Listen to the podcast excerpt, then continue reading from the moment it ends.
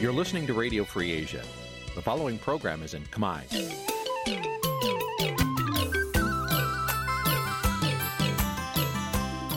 Nǐ chi càm bi tiệp xáy vệt chiu a zì sê ray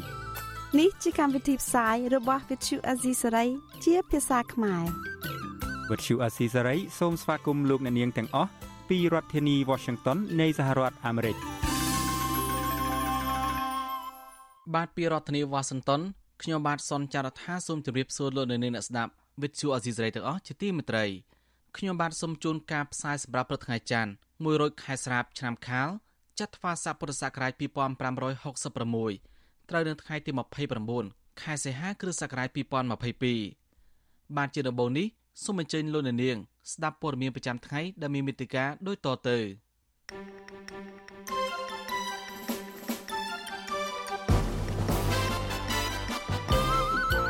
អ្នករាយការណ៍ពិសេសអង្គការសហប្រជាជាតិលើកឡើងពីបញ្ហាសេរីភាពសារព័ត៌មាននៅកម្ពុជាពលករខ្មែរនៅប្រទេសថៃលំបាកផ្នែកជីវភាពដោយសារមិនសូវមានការងារធ្វើដូចមុន គ្រួសារសកម្មជនបកប្រឆាំងដែលរងអំពើហិង្សាក្នុងពន្ធនាគារទាមទារយុត្តិធម៌អ្នកសង្កេតការណ៍មរពឹងថារដ្ឋាភិបាលលហ៊ុនសែនស្ដារលទ្ធិប្រជាធិបតេយ្យនិងសិទ្ធិមនុស្សឡើងវិញទេរួមនឹងព័ត៌មានផ្សេងៗមួយចំនួនទៀត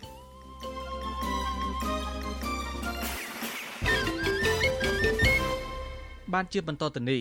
ខ្ញុំបានសនចាររថាសូមជូនព័ត៌មានពិស្ដា អ្នករាយការណ៍ពិសេសអង្គការសហប្រជាជាតិស្ដីពីសិទ្ធិមនុស្សនៅកម្ពុជាលោកវិទិតមុនតាបនបានបញ្ចប់ដំណើរទស្សនកិច្ចការងារដោយផ្ទាល់ជាលើដំបូងរយៈពេល11ថ្ងៃនៅកម្ពុជាកាលពីថ្ងៃសុក្រទី26ខែសីហាតើលោកបានលើកពីបញ្ហាប្រឈមអ្វីខ្លះពាក់ព័ន្ធនឹងសេរីភាពសារព័ត៌មាននៅកម្ពុជា បាទលោកអ្នកនាងនឹងបានស្ដាប់ព័ត៌មាននេះនៅពេលបន្តិចទៀតនេះបាទសូមអរគុណបាទលោកអ្នកនាងជាទីមត្រី ពលករពលករនីខ្មែរកំពុងធ្វើការងារនៅប្រទេសថៃនៅឡាថាបើទោះបីជាស្ថានភាព COVID-19 បានធូរស្រាលបន្តិចក៏ដោយក៏ពួកគាត់មិនសូវមានការងារធ្វើច្រើនដូចមុនដែរពួកគាត់ត្អូញត្អែថារាល់ថ្ងៃពួកគាត់ជួបបញ្ហាផ្នែកជីវភាពប្រចាំថ្ងៃដោយសារការងាររកប្រាក់ចំណូលបានតិចតួចស្របពេលដែលពលករខ្លះបានសម្រេចចិត្តវិលត្រឡប់ទៅស្រុកកំណើតវិញពលករពលករនីខ្មែរកំពុងជួបទុលំបាកនៅក្នុងប្រទេសថៃដោយសារវិបត្តិ COVID-19 និងសង្គ្រាមរុស្ស៊ីឈ្លានពានអ៊ុយក្រែន ដែលធ្វើពួកគេមិនសូវមានការងារធ្វើដើម្បីយកប្រាក់ផ្គត់ផ្គង់គ្រួសារពួកគាត់ត្អូញត្អែថាក្នុងឆ្នាំនេះ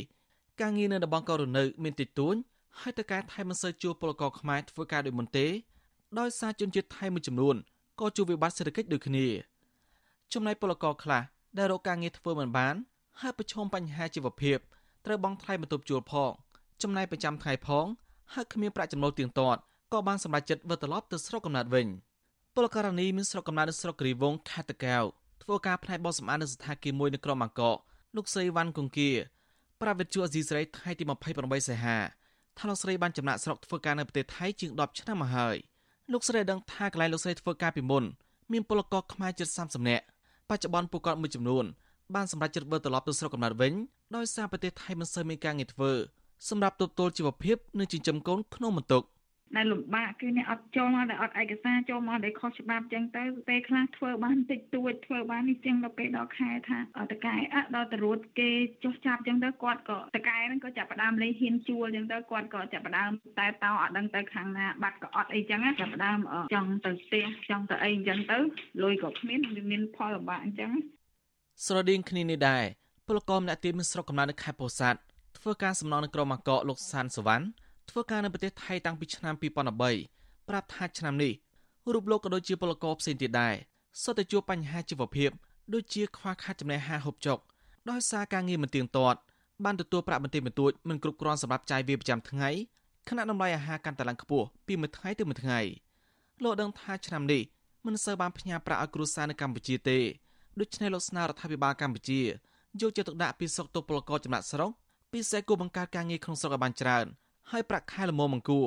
ដើម្បីបរិវត្តខ្មែរមានការងារធ្វើក្នុងស្រុកដោយមិនចាំបាច់ចំណាក់ស្រុកខ្វះអាហារហូបចុកខ្វះសវិកា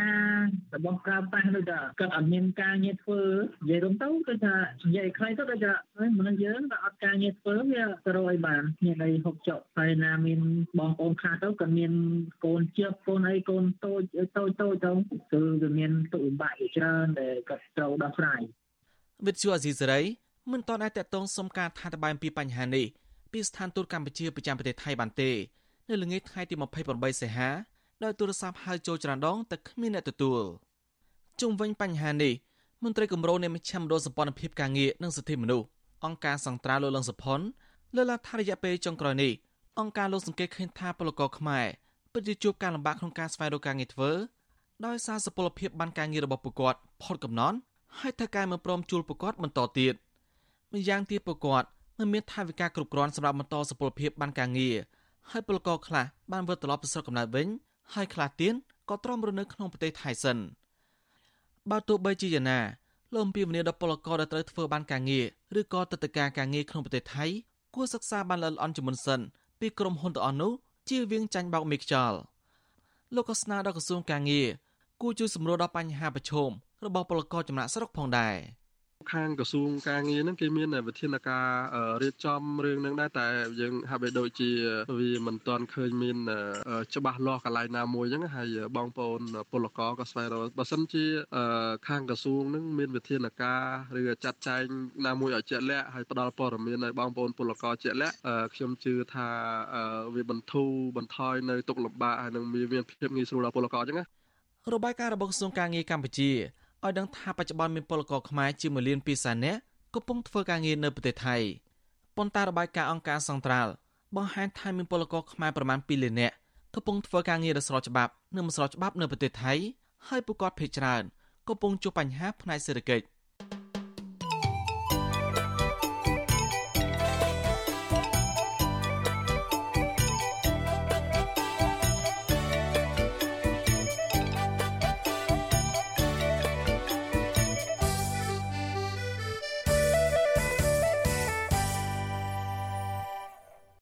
បានលោកនៅនាងជាទីមត្រីគ្រួសារសកម្មជនបកប្រឆាំងដែលរងអំពើហិង្សាក្នុងពន្ធនាគារតាពាំង plong ខេត្តត្បូងឃ្មុំទាមទារអាជ្ញាធរស្វែងរកយុត្តិធម៌ជូនប្តីនៅអំពើរបស់ពួកគេរួមទាំងស្នើទប់ស្កាត់ការប្រើអំពើហិង្សាក្នុងពន្ធនាគារការលើកឡើងនេះបន្ទាប់ពីសមាជិកគ្រួសារពួកគេ3នាក់រួមមានលោកកៅថៃលោកជុំច័ន្ទលោកញ៉ែមវ៉ានត្រូវបានគេវាយតតធាក់ក្នុងពន្ធនាគារត្រពាំង plong បណ្ដារោរបស់ធនធ្ងរកាលពីថ្ងៃទី21សីហាមន្ត្រីអង្គការសង្គមស៊ីវិល ជំរុញអាជ្ញាធរមានសមត្ថកិច្ចស៊ើបអង្កេតឲ្យមានដំណាភាពហើយផ្ដោតទំនុកចិត្តក្នុងការអនុវត្តច្បាប់ហើយបញ្ជាការរិះគន់ជាប់តាក់ទងការធ្វើទុកផ្នែកនយោបាយបានពីរដ្ឋធានីវ៉ាស៊ីនតោនលោកមេរិតរាយការណ៍ព័ត៌មាននេះក្រុមគ្រួសារសកម្មជនគណៈបពប្រឆាំងដែលទទួលរងនៅអំពើហិង្សានៅក្នុងពន្ធនាគារតាពាំង plong ខេត្តត្បូងឃ្មុំ កាលពីថ្ងៃទី21ខែសីហា បានថ្កោលទោសចំពោះជនប្រព្រឹត្តនិងទាមទារឲ្យអាជ្ញាធរមានសមត្ថកិច្ចស្វែងរកយុត្តិធម៌ជូនប្តីនិងឪពុករបស់ពួកគេឲ្យខាន់តែបានកូនស្រីរបស់មន្ត្រីគណៈបកសង្គ្រោះជាតិដែលកំពុងជាប់ឃុំក្នុងពន្ធនាគារលោកកៅថៃ គឺកញ្ញាកៅច័ន្ទរចនាប្រាវិសុយស៊ីស្រីក្រោយជួបឪពុករបស់កញ្ញានៅក្នុងពន្ធនាគារតាពាំង plong ថាសមត្ថកិច្ចបានបណ្ដោយឲ្យក្រុមបងធំដែលកំពុងជាប់ឃុំដូចគ្នា ទះតប់ឪពុករបស់កញ្ញា3កំភ្លៀងនិងទាត់ធាក់សកម្មជន2នាក់ទៀតបណ្ដាលឲ្យរងរបួសធ្ងន់ក្រោយពេលមន្ត្រីពន្ធនាគារប្រមូលសម្ភារៈប្រើប្រាស់យកទៅបោះចោលកញ្ញាកៅច័ន្ទរចនាឲ្យដឹងថាឪពុករបស់កញ្ញាមិនហ៊ានប្រាប់ព័ត៌មានលម្អិតជុំវិញករណីវាដំនោះទេព្រោះគាត់ខ្លាចគេរឹតបន្តឹងឬធ្វើបាបបន្ថែមទៀត ក៏ប៉ុន្តែគាត់ស្នើសុំជួបជាមួយមេធាវីការពារក្តីគឺលោកសំសកុងនិងមន្ត្រីអង្គការសង្គមស៊ីវិលឲ្យបានឆាប់គាត់អត់ចង់និយាយច្រើន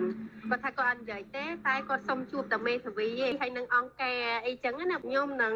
តាក់ទងមួយមេធាវីដាក់ពាក្យបណ្ដឹងពួកអីជាក់ស្ដែងមូលហេតុអីគាត់អត់មានទោសអីហើយគេយកគាត់ទៅហើយមូលហេតុអីគេធ្វើទរណកម្មគាត់ទៀតចឹងណា ក្រុមគ្រួសារសកម្មជនបពប្រឆាំងបាននាំគ្នាទៅសួរសុខទុក្ខប្តីនិងឪពុកនៅថ្ងៃទី28ខែសីហាក៏ប៉ុន្តែឆ្មាំពន្ធនាគារត្បូង plong បានរដ្ឋបិទដោយទាមទារឲ្យពួកគាត់បង្ហាញឯកសារជាច្រើន ដែលខុសប្លែកពីសពមួយដងក្រោមហេតុផលអាញាធននៅទីនោះអះអាងថាធ្វើតាមការបញ្ជារបស់ថ្នាក់លើ ជុំវិញបញ្ហានេះគ្រួសារសកម្មជនបកប្រឆាំងមួយចំនួន ដែលខកខានមិនបានជួបប្តីរបស់ពួកគេ ជាពិសេសគឺគ្រួសាររបស់លោកញ៉ែមវៀនដែលត្រូវបានគេវាយទាត់ធាក់ឲ្យរងរបួសធ្ងន់រហូតដើមមិនរួច ប្រពន្ធសកម្មជនគណៈបពប្រឆាំងនៅខេត្តស្វាយរៀងលោកញ៉ែមវៀនគឺលោកស្រីពៅសរនប្រាប់ថាលោកស្រីបានខ្ចីលុយអ្នកភូមិធ្វើដំណើរទៅពន្ធនាគារតពាំង plong ដើម្បីចង់ដឹងអំពីអាការៈនិងស្ថានភាពសុខភាពរបស់ប្តីក្រោយគវាយដំបណ្ដាលឲ្យរងរបួសធ្ងន់លោកស្រីបន្តថាមន្ត្រីពន្ធនាគារមិនអនុញ្ញាតឲ្យលោកស្រីចូលជួបប្តីនោះទេទោះបង្ហាញអត្តសញ្ញាណប័ណ្ណនិងការចាក់វ៉ាក់សាំងដូចនៅពន្ធនាគារដទៃទៀតយ៉ាងណាក្តី លោកស្រីថ្កោលទោសចំពោះអំពើហិង្សានេះនិងក្រុងជួបជាមួយមេធាវីការពារក្តីដាក់ពាក្យប្តឹងបើទោះបីលោកស្រីមានជំនឿថាសមត្ថកិច្ចនឹងមិនអាចរកយុត្តិធម៌ឲ្យសកម្មជននយោបាយទាំងនោះបានយ៉ាងណាក៏ដោយដូនណាមិនដែលតោងកាយដាក់អ្នកស្រុកទេហើយសំអាញាធោធ្វើបាបធ្វើចឹងខ្ញុំទូយកបានមកហើយអយុត្តិធម៌ខ្លាំងមែនទែនក្រុមគូសាខ្ញុំធ្វើបាបគាត់ទៅអីចាស់ហើយ វិសុវស៊ីស្រីមិនអាចតាក់ទងអគ្គនាយកនៃអគ្គនាយកដ្ឋានពន្ធនាគារនៃក្រសួងមហាផ្ទៃលោកឆែមសវុតនិងអ្នកនាំពាក្យអគ្គនាយកដ្ឋានពន្ធនាគារលោកនុតសាវណ្ណាដើម្បីបញ្ជាក់ជុំវិញរឿងនេះបាននៅឡើយទេនៅថ្ងៃទី28ខែសីហា ជុំវិញរឿងនេះប្រធានសមាគមការពារសិទ្ធិមនុស្សអាត់ហុកលោកនីសុខាលើកឡើងថាជនជាប់ឃុំ បាត់បង់តែសេរីភាពនោះទេក៏ប៉ុន្តែពួកគេមានសិទ្ធិទទួលបាននឹងការថែទាំការព្យាបាលចំណីអាហារការបញ្ចេញមតិនិងការប្រស្រ័យទាក់ទងជាមួយក្រុមគ្រួសារដោយដូចគ្នាលោកនីសុខាចាត់ទុកករណីវាដំឬការធ្វើទរណកម្មទៅលើជនជាប់ឃុំណាម្នាក់ គឺជាការរំលោភបំពានទៅលើគោលការណ៍សិទ្ធិមនុស្សយ៉ាងធ្ងន់ធ្ងរដែលអាជ្ញាធរត្រូវស៊ើបអង្កេតដោយតម្លាភាពដើម្បីយកជនបង្កមកទទួលខុសត្រូវនៅចំពោះមុខច្បាប់និងផ្ដល់យុត្តិធម៌ដល់ជនរងគ្រោះលោកបានថែមថាប្រសិនបើអាជ្ញាធរមិនដោះស្រាយបញ្ហានេះឲ្យបានត្រឹមត្រូវតាមច្បាប់នោះទេនោះនឹងទទួលរងនឹងការរិះគន់ជុំវិញការធ្វើទុកបុកម្នេញលើសកម្មជននយោបាយ នៃការវាយដំមនុស្សនៅក្នុងពន្ធនាគារនេះព្រោះរឿងនេះជារឿងធ្ងន់ធ្ងរណាស់បាទជារឿងរំលោភសិទ្ធិមនុស្សធ្ងន់ធ្ងរណាស់បើសិនជាមានការវាយដំទៅលើអ្នកដែលជាប់ឃុំអានេះអ្នកដែលវាយដំនោះត្រូវតែទទួល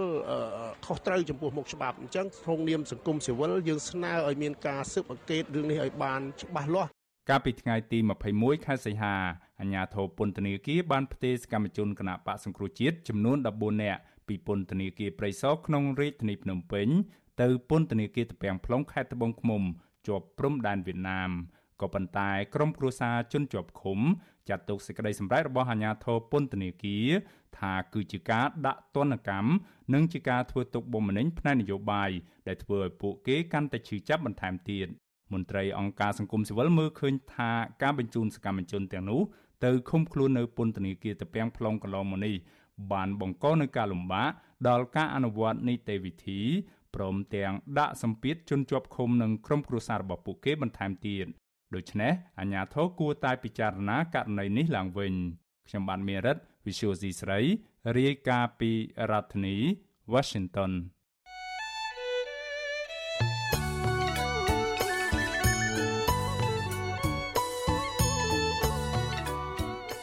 បានលោកនៅនាងជាទីមន្ត្រីដំណើរគ្នានឹងស្ដាប់ការផ្សាយរបស់វិទ្យុអេស៊ីសេរីតាមបណ្ដាញសង្គម Facebook និង YouTube លោកនាងការស្ដាប់ការផ្សាយរបស់វិទ្យុអេស៊ីសេរីតាមរលកធាតុអាកាសខ្លីឬ Shortwave តាមកម្រិតនិងកម្ពស់ដូចតទៅនេះពេលព្រឹកចាប់ពីម៉ោង5កន្លះដល់ម៉ោង6កន្លះតាមរយៈរលកធាតុអាកាសខ្លី12140 kHz ស្មើនឹងកម្ពស់ 25m និង13715 kHz ស្មើនឹងកម្ពស់ 22m ពេលយប់ចាប់ពីម៉ោង7កន្លះដល់ម៉ោង8កន្លះតាមរយៈរលកធាតុអាកាសខ្លី9960 kHz ស្មើនឹងកម្ពស់ 30m 12140 kHz ស្មើនឹងកម្ពស់ 25m និង11885 kHz ស្មើនឹងកម្ពស់ 25m បាទសូមអរគុណ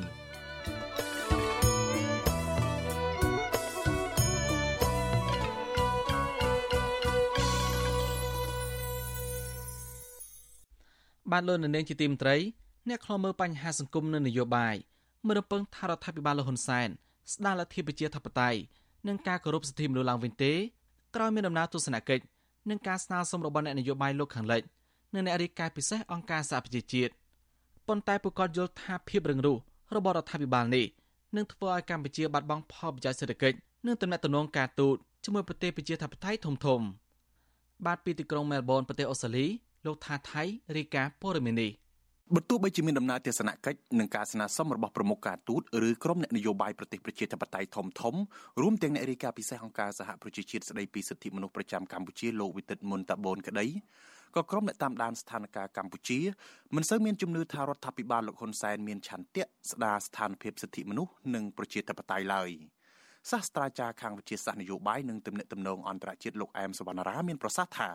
គណៈប្រតិភូប្រទេសលោកខាងលិចរួមទាំងបេសកជនពិសេសអង្គការសហប្រជាជាតិផងសុទ្ធតែលើកឡើងពីកង្វល់ជាលក្ខរឿងធ្លាក់ចុះលទ្ធិប្រជាធិបតេយ្យនិងការគោរពសិទ្ធិមនុស្សនៅកម្ពុជាក៏ប៉ុន្តែលោកសង្កេតឃើញថារដ្ឋាភិបាល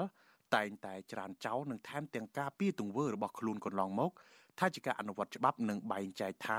កម្ពុជាកំពុងអនុវត្តតាមគោលការណ៍ប្រជាធិបតេយ្យនិងសិទ្ធិមនុស្សតាមស្តង់ដាររបស់ខ្លួនបើទោះបីជារដ្ឋធម្មនុញ្ញកម្ពុជានិងធម្មនុញ្ញអង្គការសហប្រជាជាតិចែងពីសិទ្ធិមនុស្សនិងប្រជាធិបតេយ្យដូចគ្នាក៏ដោយទោះជាយ៉ាងណាលោកអែមសវណ្ណារាយល់ថាប្រសិនបើរដ្ឋាភិបាលកម្ពុជាប្រកាន់ជំហរមិនព្រមស្ដារប្រជាធិបតេយ្យនិងការគោរពសិទ្ធិមនុស្សទេនោះ កម្ពុជានឹងបាត់បង់ទំនាក់ទំនងល្អជាមួយក្រុមប្រទេសប្រជាធិបតេយ្យនិងផលប្រយោជន៍ផ្នែកសេដ្ឋកិច្ចដូចជាកម្មវិធីអនុគ្រោះពន្ធទូទៅ GSP ពីសហរដ្ឋអាមេរិកនិងប្រព័ន្ធអនុគ្រោះពាណិជ្ជកម្ម ABA ពីសហភាពអឺរ៉ុបបើយើងនិយាយទៅដោយសារស្ថានភាពអន្តរជាតិមានវិសាលវិសាលភាពឬក៏សារៈសំខាន់ ខ្លាំងជាងនយោបាយភូមិសាស្ត្រកម្ពុជាអញ្ចឹងហើយបានជាអន្តរជាតិមិនសូវយកចិត្តទុកដាក់លើបញ្ហាកម្ពុជាទេធ្វើឲ្យរដ្ឋាភិបាលកម្ពុជាឬគណៈបកកណ្ដាលមិនសូវជាឆ្លើយតបទេដើម្បីរក្សានៅស្ថិរភាពនៅក្នុងការពេលអំណាចទៅអ្នកជំនាន់ក្រោយដែរក៏ប៉ុន្តែបើយើងមើលអំពីគេហៅថាស្ថានភាពនៃការលើកឡើងសេចក្តីព្រាងច្បាប់របស់សហរដ្ឋអាមេរិក2មាន HR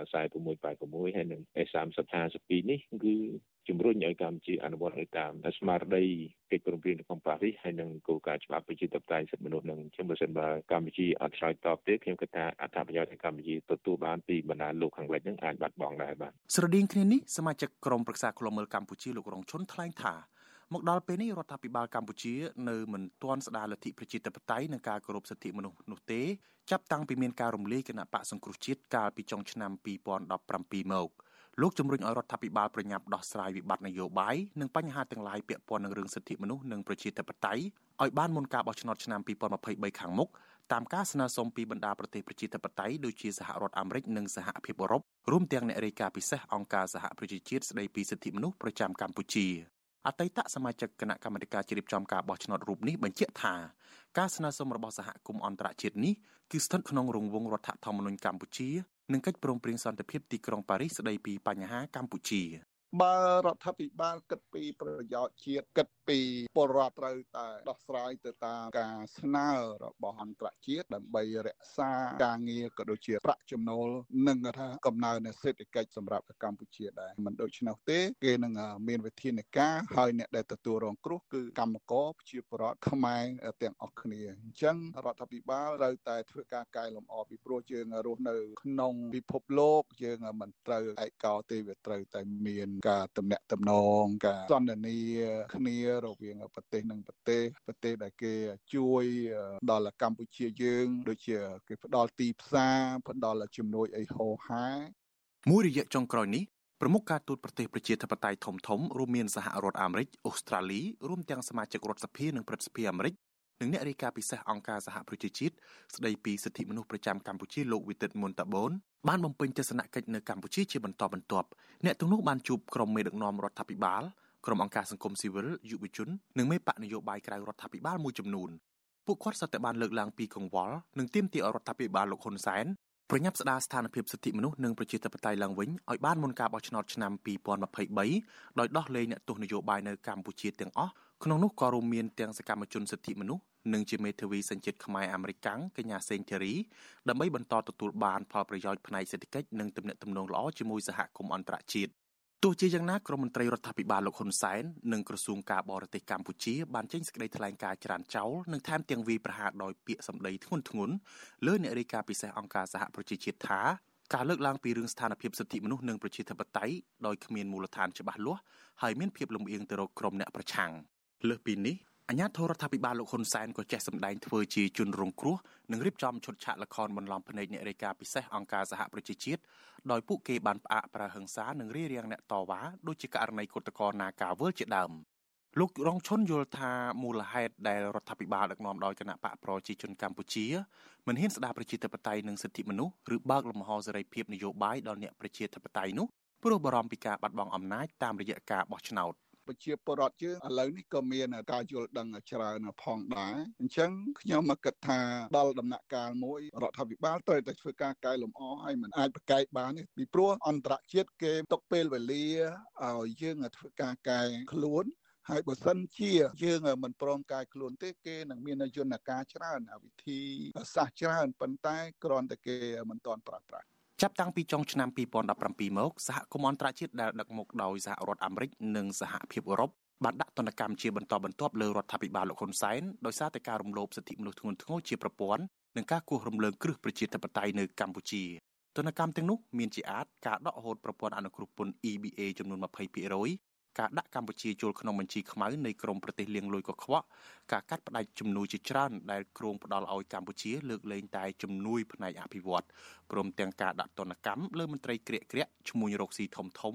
និងក្រុមហ៊ុនចិនដែលមានពាក់ព័ន្ធនឹងការរំលោភសិទ្ធិមនុស្សនិងអំពើពុករលួយនៅកម្ពុជា។ ទនកម្មពីអន្តរជាតិមិនមែនបញ្ឈប់ត្រឹមនេះទេសហភាពអឺរ៉ុបបានប្រមានរបបលោកហ៊ុនសែនរួចហើយអំពីលទ្ធភាពនៃការដកហូតប្រព័ន្ធអនុគ្រោះពន្ធ EBA ទាំងស្រុងប្រសិនបើរបបនេះនៅតែបន្តបង្ក្រាបដោយឥតស្រាកស្រានលើសិទ្ធិសេរីភាពជាមូលដ្ឋានរបស់ប្រជាពលរដ្ឋតទៅទៀតក្រៅពីនេះសហរដ្ឋអាមេរិកមិនទាន់បន្តសុពលភាពនៃកម្មវិធីអនុគ្រោះពន្ធទូទៅ GSP ដែលបានផុតកំណត់នៅដំណាច់ឆ្នាំ2020នៅឡើយទេ សហរដ្ឋអាមេរិកក៏កំពុងជំរុញឲ្យមានការអនុម័តសេចក្តីព្រាងច្បាប់ស្តីពីលទ្ធិប្រជាធិបតេយ្យក្នុងប្រទេសកម្ពុជាដែរច្បាប់នេះមានគោលដៅដាក់ទណ្ឌកម្មបុគ្គលទាំងឡាយណាដែលរំលោភសិទ្ធិមនុស្សនិងលទ្ធិប្រជាធិបតេយ្យដោយការបង្កក់ទ្រព្យសម្បត្តិនិងហាមឃាត់ចូលសហរដ្ឋអាមេរិកខ្ញុំថាថៃពីទីក្រុងមែលប៊នបាទតើតើនៅរឿងនេះវិទ្យុអេស៊ីសេរីបានសម្ភាសនាយកប្រតិបត្តិសម្ព័ន្ធអ្នកសារព័ត៌មានកម្ពុជាលោកណូវីដើម្បីចង់ដឹងពីការយល់ឃើញរបស់អ្នកសារព័ត៌មានអំពីរឿងនេះ បានលោកនាងនឹងបានស្ដាប់បទសម្ភាសន៍នេះនៅពេលបន្តិចទៀតនេះបាទសូមអរគុណបានលោកនាងជាទីមត្រី អង្គការសង្គមស៊ីវិលលើកឡើងថាវត្តមានជនជាតិបរទេសពិសេសជនជាតិចិន បានធ្វើជីវកម្មចាប់បង្ខាំងជនបរទេសធ្វើទរណកម្មជំរឿទីប្រាស់រហូតឈានដល់អំពើជួញដូរមនុស្សលើទឹកដីខ្មែរជាបន្តបន្ទាប់នេះជារឿងគួរឲ្យសោកស្ដាយហើយធ្វើឲ្យប៉ះពាល់ដល់មុខមាត់ប្រជាជាតិខ្មែរធ្ងន់ធ្ងរប្រតិកម្មរបស់មន្ត្រីសង្គមស៊ីវិលបែបនេះ បន្ទាប់ពីសមាជិកខេត្តពិសេសនោះប្រមាណថ្ងៃចុងក្រោយនេះបង្ក្រាបបានករណីបង្ខំមនុស្សចំនួន4ករណីជាប់ជាប់គ្នាហើយបានជួយរំដោះជនរងគ្រោះមួយចំនួនដែលចាញ់បោកប្រព័ន្ធឃោសនាការងារខ្លាំងខ្លាយបានពីរដ្ឋធានីវ៉ាស៊ីនតោនលោកជីវតារាយការណ៍ព័ត៌មាននេះមន្ត្រីសង្គមស៊ីវិលជំរុញដល់អាជ្ញាធរឲ្យបន្តការស៊ើបអង្កេតដល់ឫសគល់វេកមុខអ្នកនៅពីក្រោយខ្នងករណីជួញដូរមនុស្សនេះនឹងត្រូវអនុវត្តច្បាប់ឲ្យបានតឹងរឹង ទើបអាចទប់ស្កាត់អំពើជួញដូរមនុស្សមានប្រសិទ្ធភាពអ្នកសម្របសម្រួលសមាគមការពារសិទ្ធិមនុស្សអាត6ប្រចាំខេត្តប្រស័យអនុអ្នកស្រីជីបសុធារីសោកស្ដាយដែលកម្ពុជាក្លាយជាប្រទេសមួយដែលក្រមអ ுக ្រិតជន ប្រើប្រាស់ជាទីតាំងសម្រាប់ធ្វើអាជីវកម្មប្រតិបត្តិការជួញដូរមនុស្សឬបង្ខាំងមនុស្សជំរិតទារប្រាក់អ្នកស្រីឲ្យដឹងថាក្រោយពីមានវត្តមានជនជាតិចិនកាន់តែច្រើន មកបើកចំនួនផ្នែកវិស័យបនលបៃក្នុងខេត្តប្រស័យអនុ បទល្មើសដែលមិនធ្លាប់កើតមានពីមុនមកនោះដូចជាអំពើជួញដូរមនុស្សការបង្ខាំងមនុស្សនិងការបាញ់បោះដាក់គ្នាបានកើតឡើងយ៉ាងអនាធបត័យអ្នកស្រីទទូចដល់អាជ្ញាធរឲ្យពង្រឹងយន្តការទប់ស្កាត់ជនបរទេសដែលបង្កអសន្តិសុខប៉ះពាល់ដល់មុខមាត់ប្រទេសជាតិជាពិសេសទប់ស្កាត់និងបង្ក្រាបករណីដែលមានការចាប់បង្ខាំងមនុស្សដើម្បីធានាសុវត្ថិភាពដល់សន្តិសុខសង្គមទាំងមូល។ ពាក់ព័ន្ធជាមួយនឹងករណីជួញដូរមនុស្សតាមខាងមនុស្សនិងការធ្វើទរណកម្មចាប់ចម្រិតអីចឹងទៅដែលពីមុនមកយើងទាំងអស់ហ្នឹងវាដែលធ្លាប់មាននៅកម្ពុជាទេមានតែកម្ពុជាមានវិជាប្រដ្ឋត្រូវបានគេបោកបញ្ឆោតលួងលោមទៅធ្វើការងារដោយចាញ់បោកនេះខ្សលហើយត្រូវបានគេបង្ខាំងគេបង្ខំឲ្យធ្វើការនៅបណ្ដាប្រទេសផ្សេងផ្សេងតែឥឡូវកម្ពុជាជាទីកន្លែងមួយដែលមានជនរងគ្រោះមកពីបណ្ដាប្រទេសផ្សេងផ្សេងហ្នឹងឯទីកន្លែងកើតហេតុនៅក្នុងប្រទេសកម្ពុជានៅតាមបណ្ដាខេត្តណាមួយ របាយការណ៍របស់រដ្ឋបាលខេត្តប្រសេអនុអះអាងថាគិតចាប់តាំងពីថ្ងៃទី23ដល់ថ្ងៃទី26ខែសីហា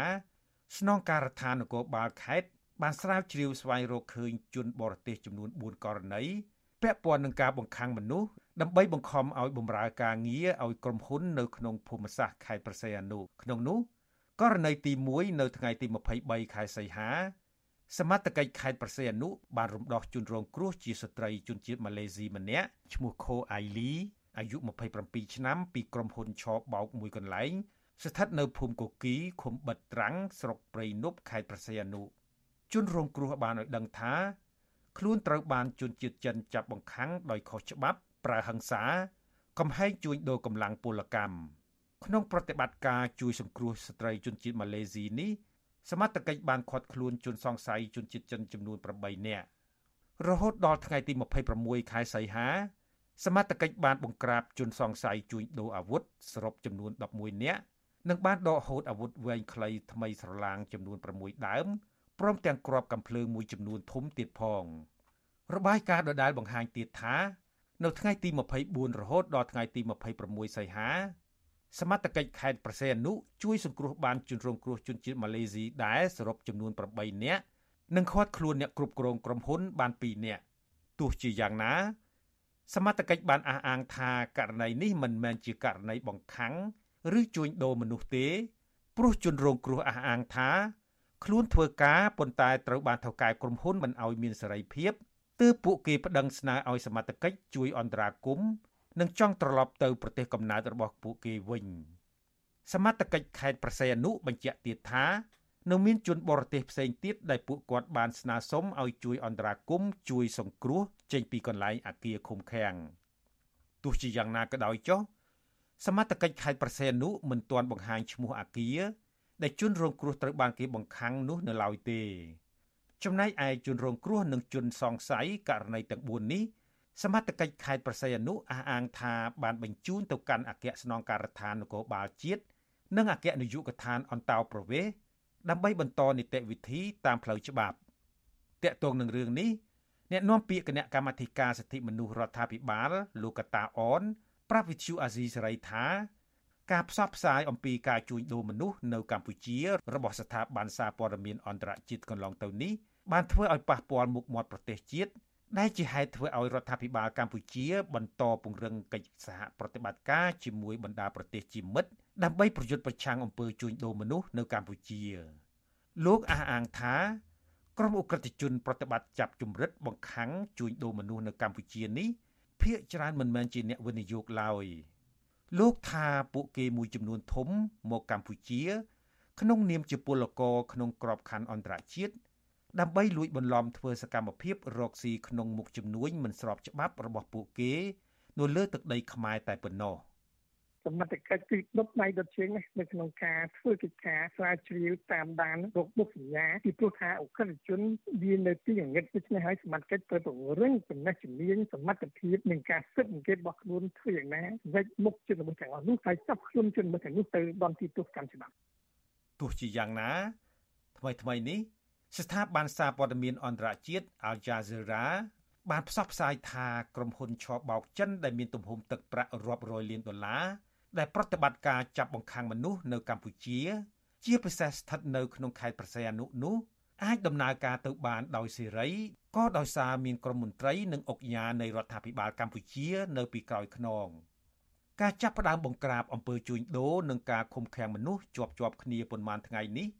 ធ្វើឡើងក្រោយពីស្ថាប័នសារព័ត៌មានអន្តរជាតិបានរាយការណ៍យ៉ាងផុសផុលជាបន្តបន្ទាប់រយៈពេលចុងក្រោយនេះអំពីកំណើននៃឧក្រិដ្ឋកម្មចាប់បង្ខាំងនិងជួញដូរមនុស្សនៅកម្ពុជា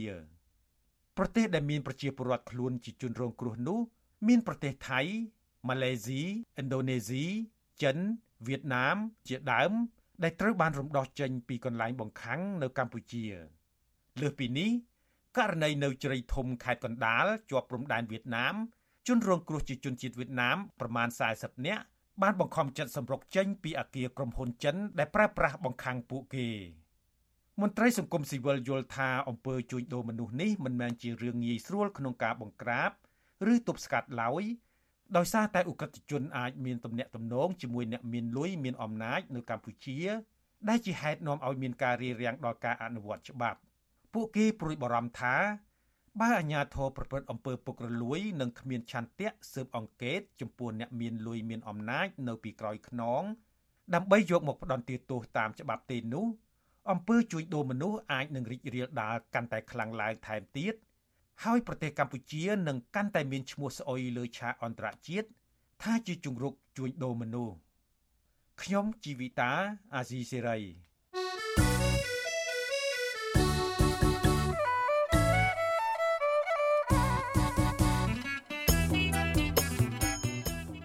បាទលោកនៅនាងជាទីមត្រី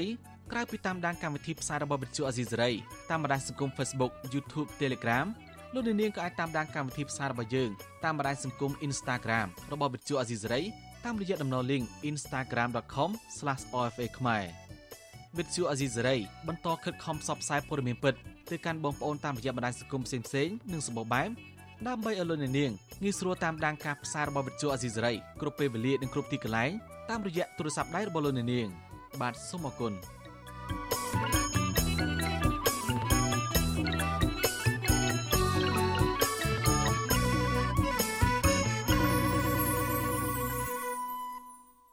បាទលោកនៅនាងជាទីមត្រី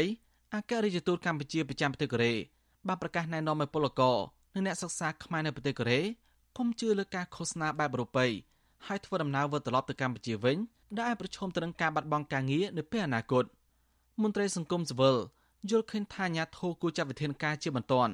ចំពោះការគៀកោមនុស្សរបស់បុគ្គលខឹមវាសនានេះ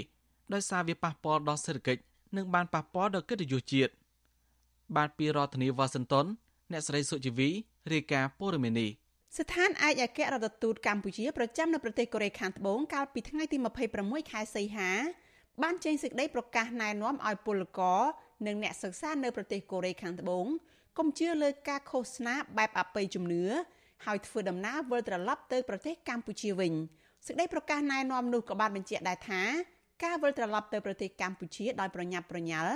មិនមានការអនុញ្ញាតពីនយោជកគឺជាអំពើខុសច្បាប់ហើយអាចប្រឈមនឹងការបាត់បង់ការងារ កិត្តិយសកេរ្តិ៍ឈ្មោះ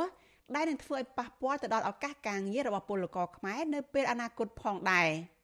ការចេញសេចក្តីណែនាំរបស់ស្ថានឯកអគ្គរដ្ឋទូតកម្ពុជាប្រចាំប្រទេសកូរ៉េខាងត្បូងនេះធ្វើឡើងបន្ទាប់ពីពលករខ្មែរនៅក្នុងប្រទេសកូរ៉េខាងត្បូងមួយចំនួនបានបោះបង់ចោលការងារហើយសម្រុកនាំគ្នាធ្វើដំណើរទៅប្រទេសកម្ពុជាវិញធ្វើឲ្យម្ចាស់អាជីវកម្មជាជនជាតិកូរ៉េបាត់បង់កម្លាំងពលកម្មនិងមិនអាចដំណើរការអាជីវកម្មរបស់ពួកគេបាន ហើយបានស្វែងរកកិច្ចអន្តរាគមន៍ពីស្ថានទូតខ្មែរនៅប្រទេសកូរ៉េខាងត្បូងពលករខ្មែរជាច្រើនរយនាក់បានជឿលើការអំពាវនាវរបស់ប្រមុខគណៈបកសម្ព័ន្ធដើម្បីប្រជាធិបតេយ្យលោកខឹមវាសនា ដែលបានចាត់ទុកខ្លួនជាព្រំរក្សាលោក បង្ហោះសារនៅលើទំព័រ Facebook របស់ខ្លួន ថារលកយក្សសមុទ្រនឹងកើតមានឡើងហើយធ្វើឲ្យពិភពលោកលិចលង់នៅក្នុងពេលដ៏ខ្លីខាងមុខនេះនៅក្នុងការបង្ហោះសារនោះដែរលោកខឹមវាសនាបានបញ្ជាក់ថា មានតែប្រទេសកម្ពុជាទេដែលមានសវត្ថភាពហើយលោកបានគៀងគរអ្នកគាំទ្ររបស់លោកឲ្យធ្វើដំណើរទៅនៅក្បែរលោកនៅក្នុងខេត្តសៀមរាបដើម្បីរក្សាជីវិតវិទ្យុអាស៊ីសេរីមិនអាចតាក់ទងអនុប្រធានគណៈបកសម្ព័ន្ធដើម្បីប្រជាធិបតេយ្យលោកអ៊ីសាំងលេងដើម្បីអធិប្បាយជុំវិញបញ្ហានេះបានទេនៅថ្ងៃទី28ខែសីហាដោយទូរស័ព្ទហៅចូលតែគ្មានអ្នកទទួលជុំវិញរឿងនេះអ្នកនាំពាក្យក្រសួងកាងារលោកហេងសួរកាលពីថ្ងៃទី25ខែសីហា ក៏បានបង្ហោះសារបែបបញ្ឆិតបញ្ឈៀងអំពាវនាវឲ្យពលករខ្មែរដែលធ្វើការនៅប្រទេសកូរ៉េកុំលងជឿការឃោសនាបែបអបិយជំនឿរបស់បុគ្គលណាមួយដែរជាមួយគ្នានេះលោកហេងសួរក៏អំពាវនាវឲ្យពលរដ្ឋខ្មែរធ្វើការធម្មតានិងមានអារម្មណ៍នឹងនរឡើងវិញព្រោះតាមការតាមដានធាតុអាកាសរបស់ស្ថាប័នអន្តរជាតិធំធំមិនបានបង្ហាញថាមានសញ្ញាណាមួយពីគ្រោះថ្នាក់ធម្មជាតិនៅក្នុងខែសីហា ឬក្នុងខែកញ្ញានោះឡើយ ដោយឡែកប្រធានសមាគមសម្ព័ន្ធនិស្សិតបញ្ញវន្តខ្មែរលោកកើតសរាយលោកប្រាប់វិទ្យុអាស៊ីសេរីថាការប្រកាសឲ្យអ្នកគាំទ្ររបស់លោកខឹមវាសនាធ្វើដំណើរទៅខេត្តសៀមរាបមិនត្រឹមតែធ្វើឲ្យប្រទេសកម្ពុជាបាត់បង់កិត្តិយសនោះទេប៉ុន្តែវាក៏ធ្វើឲ្យប៉ះពាល់ទៅដល់សេដ្ឋកិច្ចជាតិផងដែរគណៈពលករនៅកូរ៉េជាច្រើនអ្នកបានរត់ចោលការងាររបស់ខ្លួនសម្រុកចូលមកប្រទេសកម្ពុជាវិញលោកកើតសរាយបន្ថែមថាអាញាធរមានសមត្ថកិច្ច គួរតែចាត់វិធានការបន្ទាន់ដើម្បីទប់ស្កាត់ហានិភ័យផ្សេងផ្សេងដែលអាចកើតឡើងពីការសាបព្រោះជំនឿផ្ដេសផ្ដាសរបស់លោកខឹមវាសនានេះខ្ញុំលើកទឹកចិត្តថាឲ្យមានវិធានការជាក់លាក់ដើម្បីធានាថាជនដែលបានប្រព្រឹត្តហ្នឹងគឺមានភាពរាងចាលហើយมันអាចសាបព្រោះនៅជំនឿផ្ដេសផ្ដាសដែលធ្វើឲ្យកើតចលាចលក្នុងសង្គមហើយនេះបើយើងមើលអំពីវិជាសនកម្មវាអាចចូលទៅក្នុងបទញុះញង់ដូចគ្នា ស្រដៀងគ្នានេះដែរមន្ត្រីសមាគមការពារសិទ្ធិមនុស្សអាត6លោកយីសុកសានយល់ឃើញថា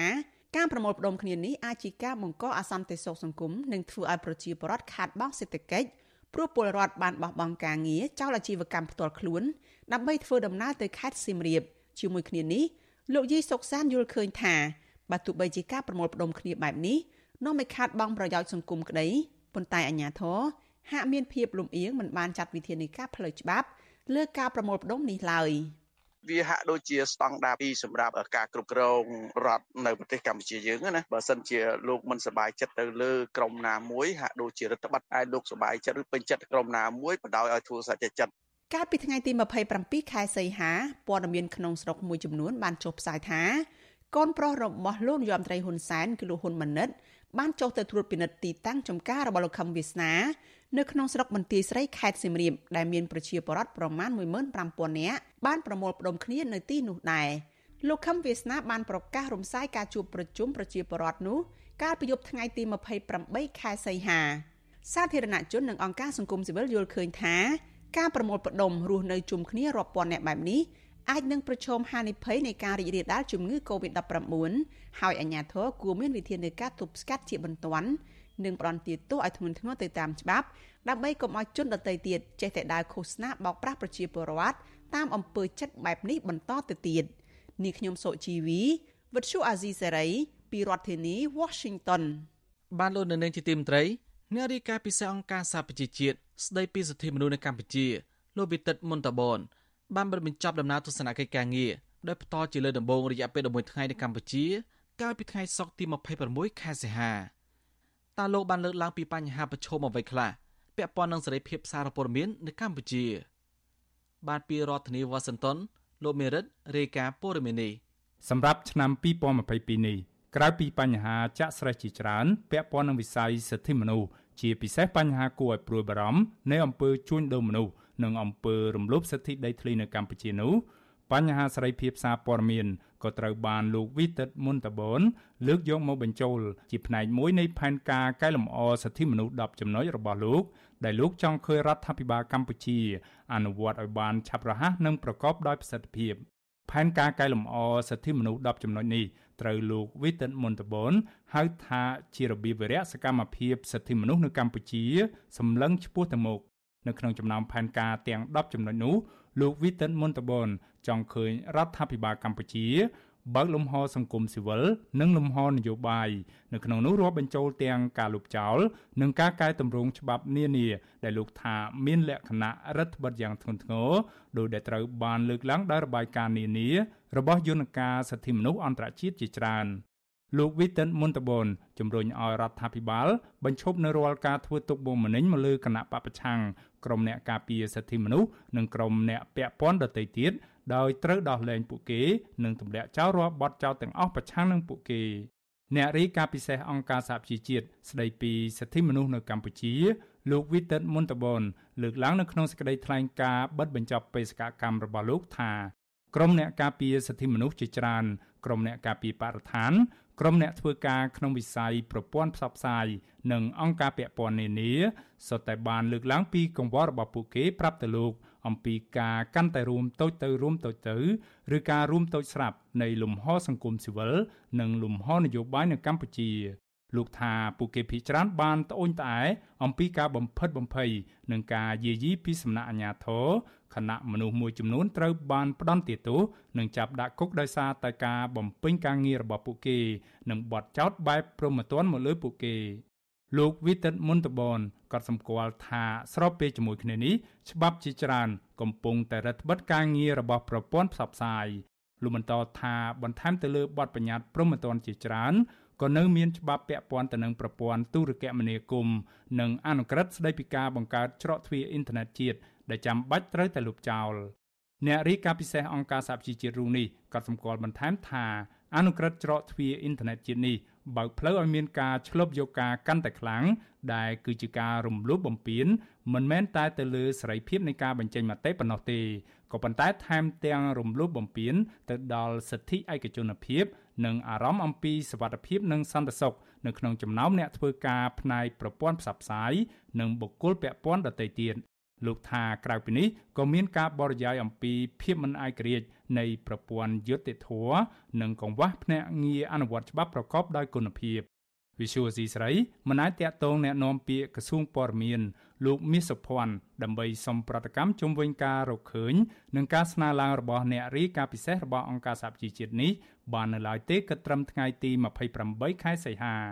ទោះយ៉ាងណាភ្លាមភ្លាមក្រោយបញ្ចប់ដំណើរបេសកកម្មការងាររបស់លោកវិទិតមុនតបននៅកម្ពុជាក្រសួងការបរទេសកម្ពុជា បានសម្ដែងពីការខកចិត្តយ៉ាងខ្លាំងចំពោះសេចក្តីថ្លែងការណ៍បញ្ចប់បេសកកម្មរបស់លោកវិទិតមុនតបននេះ ក្រសួងការបរទេសថាសេចក្តីថ្លែងការណ៍របស់លោកវិទិតមុនតបននៅតែមានភាពលំអៀងមានការរើសអើងយ៉ាងខ្លាំងនិងគ្មានមូលដ្ឋានច្បាស់លាស់នៅលើបញ្ហាមួយចំនួន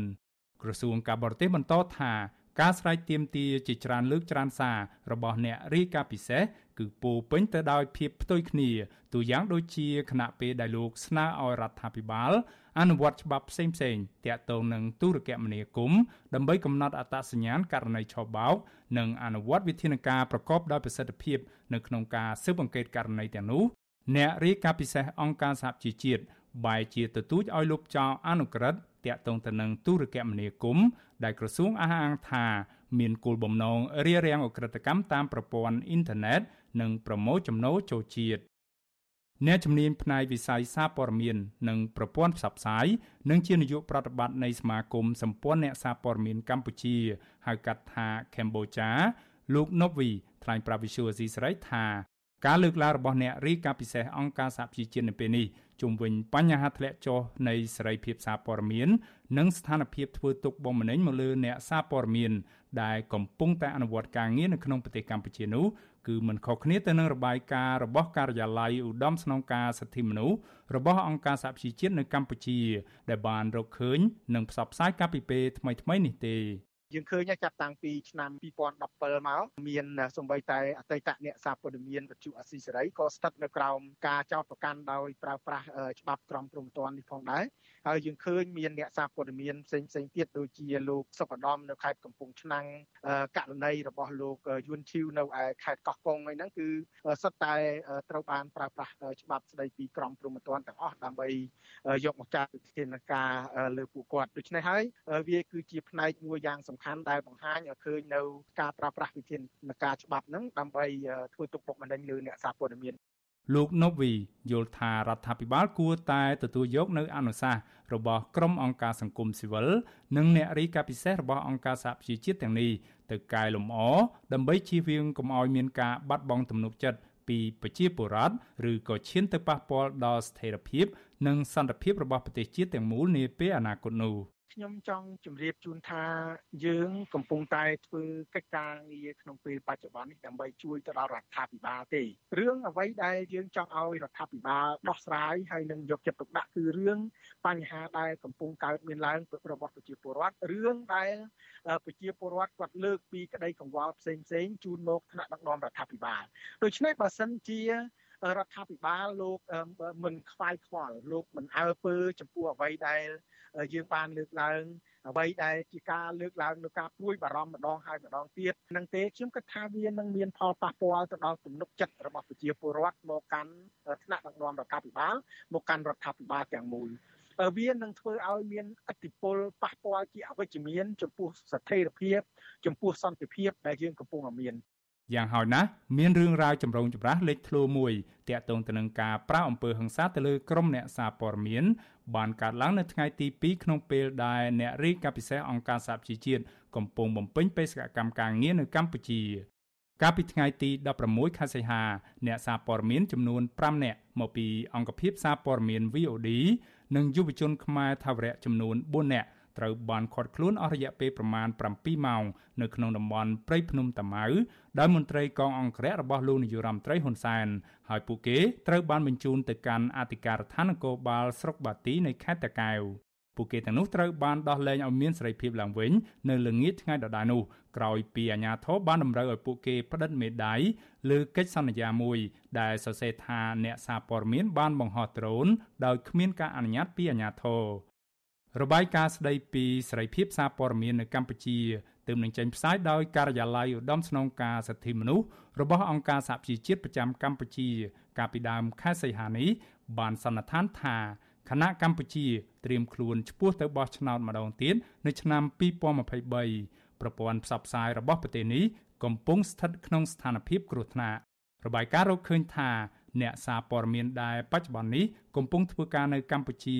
កំពុងប្រឈមទៅនឹងការរំលោភបំពាននិងរងសម្ពាធនៅក្នុងទម្រង់ផ្សេងផ្សេងជាពិសេសតាមរយៈប្រព័ន្ធយុត្តិធម៌ព្រហ្មទណ្ឌលើការងាររបស់ពួកគេរបាយការណ៍បានផ្ដល់នៅអនុសាសន៍មួយចំនួនឲ្យរដ្ឋាភិបាលដោះស្រាយជាពិសេសពាក់ព័ន្ធទៅនឹងការការពារសេរីភាពអ្នកសារព័ត៌មានពីការជ្រៀតជ្រែកសេរីភាពពីការត្រួតពិនិត្យ សិទ្ធិទទួលបានព័ត៌មានពហុភាពនៃសម្លេងនៅក្នុងប្រព័ន្ធផ្សព្វផ្សាយនិងបញ្ហាប្រឈមដែលអ្នកសារព័ត៌មានស្ត្រីប្រឈមមុខជាដើមកម្ពុជាជាប់លេខ142ក្នុងចំណោម180ប្រទេសនៅទូទាំងពិភពលោកស្ថិតក្នុងចំណោមក្រុមប្រទេសដែលមានសេរីភាពសារព័ត៌មានមិនល្អឬរដ្ឋបិទខ្លាំងនៅក្នុងសន្ទុះសេរីភាពសារព័ត៌មានពិភពលោកឆ្នាំ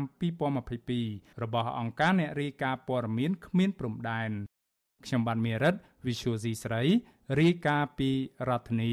Washington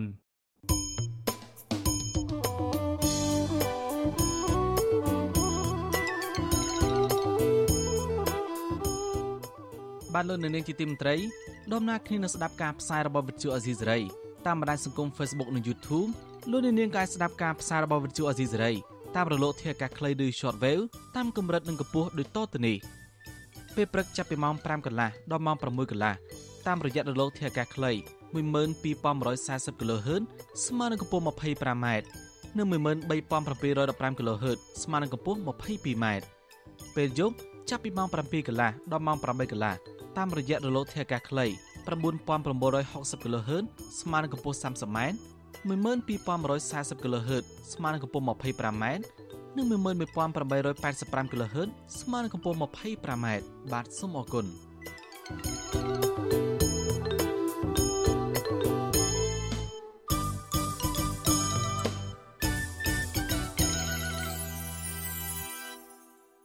បានលោកនៅនឹងជាទីមត្រីនៅជំនាញផ្នែកប្រព័ន្ធផ្សព្វផ្សាយរំលឹកថារដ្ឋាភិបាលនិងពិបាលរក្សាសន្តិភាពឬក៏ភាពស្ងប់សុខក្នុងសង្គមឲ្យមាននិរន្តរភាពបានប្រសិនបើរដ្ឋាភិបាល បន្តប្រងើយកន្តើយមកដោះស្រាយបញ្ហាអយុត្តិធម៌ក្នុងសង្គមដែលរួមមានការផ្ដល់យុត្តិធម៌ដល់អ្នកសារព័ត៌មាន និងប្រជាពលរដ្ឋដែលស្រឡាញ់សេរីភាពបញ្ចេញមតិការលើកឡើងនេះបន្ទាប់ពីអ្នករាយការណ៍ពិសេសអង្គការសហប្រជាជាតិទទួលបន្ទុកសិទ្ធិមនុស្សនៅកម្ពុជាលោកវិទិតមន្តបនធ្វើតែបញ្ចប់បេសកកម្មមកកម្ពុជាកាលពីពេលថ្មីៗនេះដោយបានផ្ដល់អនុសាសន៍ជាក់លាក់មួយចំនួនចង់ឲ្យរដ្ឋាភិបាលផ្លាស់ប្ដូរផ្ដល់សេរីភាពពេញលេញដល់ប្រជាពលរដ្ឋនិងប្រព័ន្ធផ្សព្វផ្សាយនៅកម្ពុជា បានសូមអញ្ជើញលោកនាងស្ដាប់បទសម្ភាសន៍រវាងអ្នកស្រីសុជីវីជាមួយនាយកប្រតិបត្តិសមាគមសម្ព័ន្ធអ្នកសារព័ត៌មានកម្ពុជាលោកណូវីអំពីរឿងនេះដូចតទៅលោកណូវីតើអ្វីខ្លះដែលលោកបានកត់សម្គាល់ពីការលើកឡើងរបស់អ្នករាយការណ៍ពិសេសរបស់អង្គការសហប្រជាជាតិនេះចា៎តកតងជាមួយនឹងរឿងសំខាន់បំផុតហ្នឹងគឺតកតងនឹងសេរីភាពបញ្ចេញមតិហើយនឹងស្ថានភាពនៃការធ្វើទុកបុកម្នេញមកលើអ្នកសារព័ត៌មាន ដែលកំពុងតែអនុវត្តការងារនៅក្នុងប្រទេសកម្ពុជារបស់យើងនឹងជាក់ស្ដែងអ្វីដែលខ្ញុំបានពិនិត្យមើលឃើញការលើកឡើងរបស់គាត់នេះគឺมันខុសគ្នាជាមួយនឹងរបាយការណ៍ដែលខាងការិយាល័យនៃឧត្តមស្នងការសិទ្ធិមនុស្សរបស់អង្គការសហប្រជាជាតិប្រចាំនៅប្រទេសជាចក្រកម្ពុជាចេញកាលពីដើមខែសីហាកន្លងថ្មីថ្មីនេះទេអ្នកនាងសុជីវីក្នុងនោះក៏រួមមានការលើកឡើងនៅការប្រើប្រាស់នៅច្បាប់ព្រហ្មទណ្ឌប្រឆាំងនឹងអ្នកសារព័ត៌មានដោយនៅក្នុងការលើកឡើងនេះគឺមានការបង្ហាញនៅការចោតប្រកាន់ដោយប្តឹងផ្ដាល់ទៅលើអ្នកសារព័ត៌មានហើយនឹងការប្រើប្រាស់ ច្បាប់ស្ដីពីក្រមព្រហ្មទណ្ឌនេះជានិច្ចកាលគឺតែងតែត្រូវបានប្រើប្រាស់ដើម្បីធ្វើការចោទប្រកាន់មកលើអ្នកសារព័ត៌មានហើយយើងឃើញចាប់តាំងពីឆ្នាំ2017មកមានសំបីតែអតីតអ្នកសារព័ត៌មានវិទ្យុអស៊ីសេរីក៏ស្ថិតនៅក្រោមការចោទប្រកាន់ដោយប្រើប្រាស់ច្បាប់ក្រមព្រំប្រទាននេះផងដែរហើយយើងឃើញមានអ្នកសារព័ត៌មានផ្សេងផ្សេងទៀតដូចជាលោកសុកឧត្តមនៅខេត្តកំពង់ឆ្នាំង ករណីរបស់លោកយួនឈីវនៅឯខេត្តកោះកុងហ្នឹងគឺសុទ្ធតែត្រូវបានប្រើប្រាស់ច្បាប់ស្ដីពីក្រមព្រំប្រទានទាំងអស់ដើម្បីយកមកចាត់ធានការលើពួកគាត់ដូច្នេះហើយវាគឺជាផ្នែកមួយយ៉ាងសំខាន់ដែលបង្ហាញឲ្យឃើញនៅការប្រើប្រាស់វិធានការច្បាប់ហ្នឹងដើម្បីធ្វើទុកបុកម្នេញលើអ្នកសារព័ត៌មានចំណុចមួយទៀតដែលខ្ញុំបានស្ដាប់លើការលើកឡើងនេះដែរហ្នឹងគឺរឿងតាក់ទងដូចយើងបានដឹងថាកំឡុងពេលដែល មានដំណើរទស្សនកិច្ចរបស់លោកប្រតិមុនតាបនហ្នឹងគឺតាក់ទងជាមួយនឹងការខាត់ខ្លួនអ្នកសារព័ត៌មានរបស់ VV ចំនួន5រូបដោយយើងឃើញថាករណីនេះគឺកើតឡើងនៅក្នុងពេលដែលពួកគាត់ចុះទៅយកព័ត៌មាន នៅតំបន់ដែលមានការឈូសឆាយកាប់ព្រៃឈើនៅភ្នំតាម៉ៅហ្នឹងហើយក្រោយមកទៀតគឺពួកគាត់ត្រូវបានខាត់ខ្លួនការខាត់ខ្លួននេះគឺយើងឃើញថាកើតមានឡើងស្របពេលដែលមានដំណើរទស្សនកិច្ចហ្នឹងហើយដែលបង្ហាញអំពី ដែលរូបភាពមួយនៃការបៀតបៀនឬមួយក៏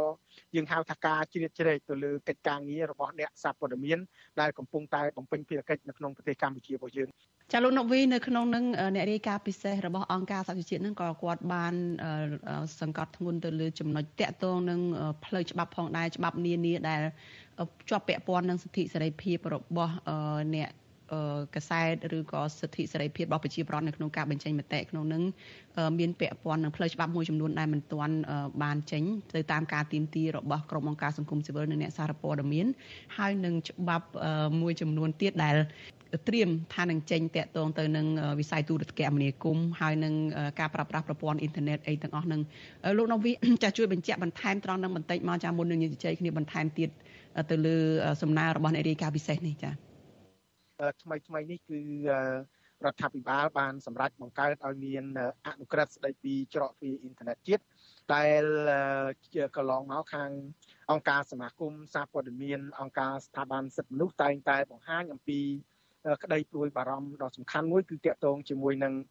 សិទ្ធិ digital ហើយសិទ្ធិ digital នេះគឺសំខាន់ណាស់ដោយសារតែនៅក្នុងសង្គមយើងក្នុងពេលបច្ចុប្បន្ននេះបើនិយាយអំពីលំហនៃសេរីភាព នៅក្នុងការប្រើប្រាស់ប្រព័ន្ធផ្សព្វផ្សាយបែបប្រពៃណីមានវិទ្យុមានទូរទស្សន៍ហើយហ្នឹងគឺថាយើងមានការពិបាកយើងមានការពិបាកដោយសារតែយើងបានឃើញថាមានករណីនៃការផ្អាកអាជ្ញាប័ណ្ណករណីនៃការ ព្យួរអាជ្ញាប័ណ្ណហើយមានករណីខ្លះទៀតរហូតដល់មានការដកអាជ្ញាប័ណ្ណអីពីខាងក្រសួងមានសមត្ថកិច្ចទៅទៀតដូចជាក្រសួងព័ត៌មានអីចឹងជាដើមអញ្ចឹងយើងមានលំហមួយសំខាន់គឺរឿងលំហសេរីភាពលើប្រព័ន្ធអ៊ីនធឺណិតនេះគឺយើងនៅអាចប្រើប្រាស់បានហើយអឺដោយសារតែករណីនេះយើងឃើញថ្មីថ្មីហ្នឹងគឺរដ្ឋាភិបាលបានបង្កើតឲ្យមានអនុក្រឹត្យស្ដីពីច្រកទ្វារអ៊ីនធឺណិតជាតិហ្នឹងដែលជាក្តីព្រួយបារម្ភមួយថាបើសិនជាអនុក្រឹត្យនេះត្រូវបាន ដាក់ឲ្យប្រើប្រាស់មែនគឺសេរីភាពរបស់ប្រជាពលរដ្ឋដែលកំពុងតែប្រើប្រាស់អ៊ីនធឺណិតក្នុងពេលបច្ចុប្បន្នហ្នឹងនឹងទទួលរងនៅការរដ្ឋបတ်មួយជំហានទៀតហើយស្របពេលជាមួយគ្នានេះដែរយើងក៏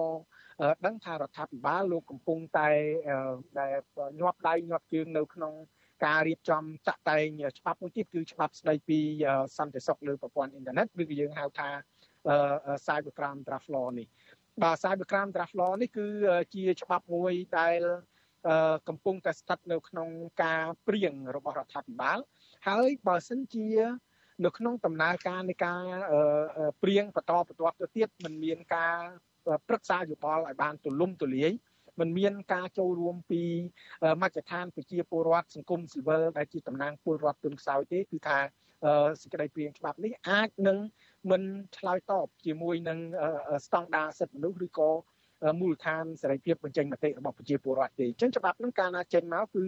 នឹងធ្វើឲ្យមានការព្រួយបារម្ភមួយទៀតគឺរឿងផលប៉ះពាល់នៃការរឹតបន្តឹងទៅដល់សេរីភាពនៅលើប្រព័ន្ធអ៊ីនធឺណិតហើយនឹងសេរីភាពឯកជននៅចឹងជាដើមអញ្ចឹងនេះគឺជាចំណុចមួយដែលយើងទទូចឲ្យមានការ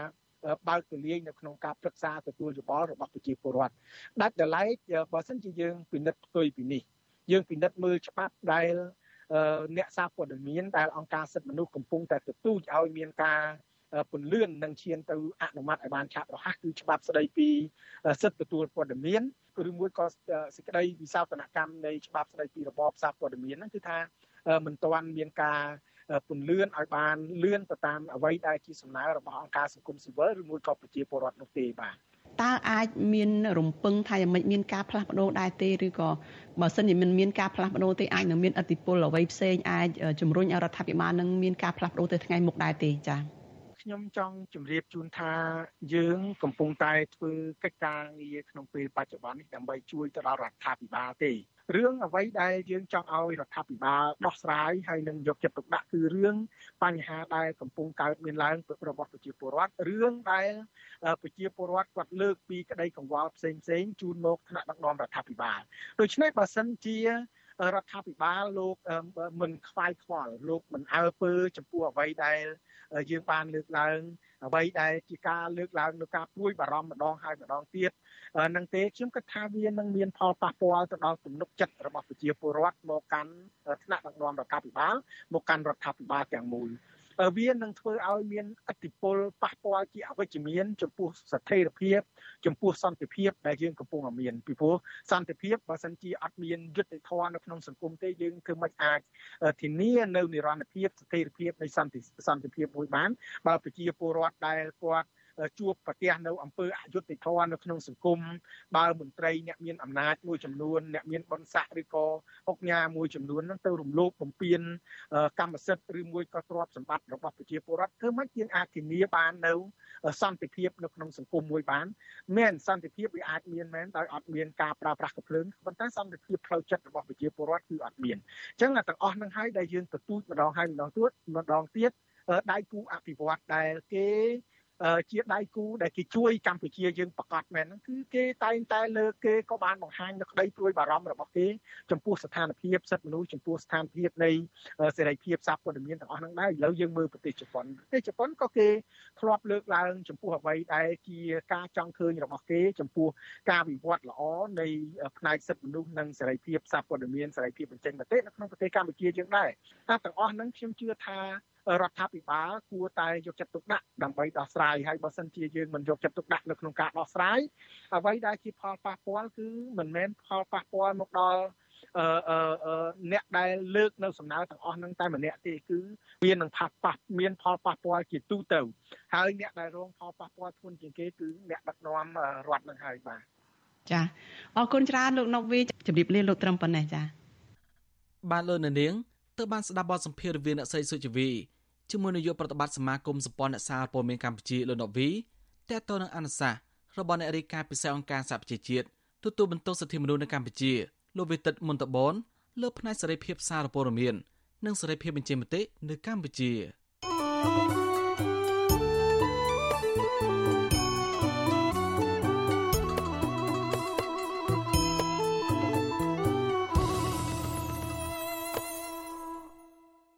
បានលោកនាងកញ្ញាអ្នកស្ដាប់វិទ្យុអេស៊ីសរ៉ៃជាទីមេត្រីការផ្សាយរយៈពេល1ម៉ោងនៃវិទ្យុអេស៊ីសរ៉ៃនៅពេលនេះចប់តែប៉ុណ្ណេះយើងខ្ញុំសូមជូនពរដល់លោកនាងព្រមទាំងក្រុមគ្រួសារទាំងអស់ឲ្យជួបប្រកបតែនឹងសេចក្តីសុខចម្រើនរុងរឿងកុំបីឃ្លៀងឃ្លាតឡើយ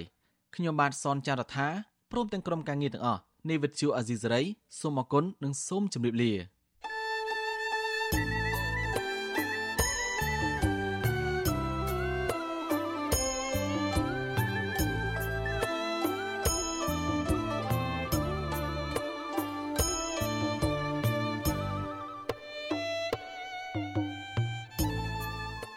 ទ្យុអាស៊ីសេរីផ្សាយតាមរលក ធាតុអាកាសខ្លីឬ shortwave តាមកម្រិតនិងកម្ពស់ដូចតទៅនេះពេលព្រឹកចាប់ពីម៉ោង5កន្លះដល់ម៉ោង6កន្លះតាមរយៈរលកធាតុអាកាសខ្លី12140 kHz ស្មើនឹងកម្ពស់ 25m និង13715 kHz ស្មើនឹងកម្ពស់ 22m ពេលយប់ចាប់ពីម៉ោង7កន្លះដល់ម៉ោង8កន្លះតាមរយៈរលកធាតុអាកាសខ្លី 9960 kHz ស្មើនឹងកម្ពស់ 30m 12140 kHz ស្មើនឹងកម្ពស់ 25m និង11885 kHz ស្មើនឹងកម្ពស់ 25m លោកអ្នកនាងអាចស្ដាប់ការផ្សាយផ្ទាល់តាមប្រព័ន្ធអ៊ីនធឺណិតដោយចូលទៅកាន់គេហទំព័រ www.rfa.org/ ខ្មែរក្រៅពីនេះលោកអ្នកនាងក៏អាចអាននិងទស្សនាព័ត៌មានវិទ្យុអេស៊ីសេរី លើទូរស័ព្ទដៃរបស់លោកអ្នកផ្ទាល់សូមលោកអ្នកនាងចូលទៅកាន់បណ្ដាញសង្គម Facebook ដែលមានអាសយដ្ឋាន www.facebook.com/rfa cambodia និង YouTube www.youtube.com/rfa khmer video សូមលោកអ្នកនាងចុច like និងចុច Subscribe ដើម្បីទទួលបានព័ត៌មានថ្មីៗទាន់ហេតុការណ៍និងទស្សនាវីដេអូផ្សេងៗទៀត បានគ្រប់ពេលវេលា។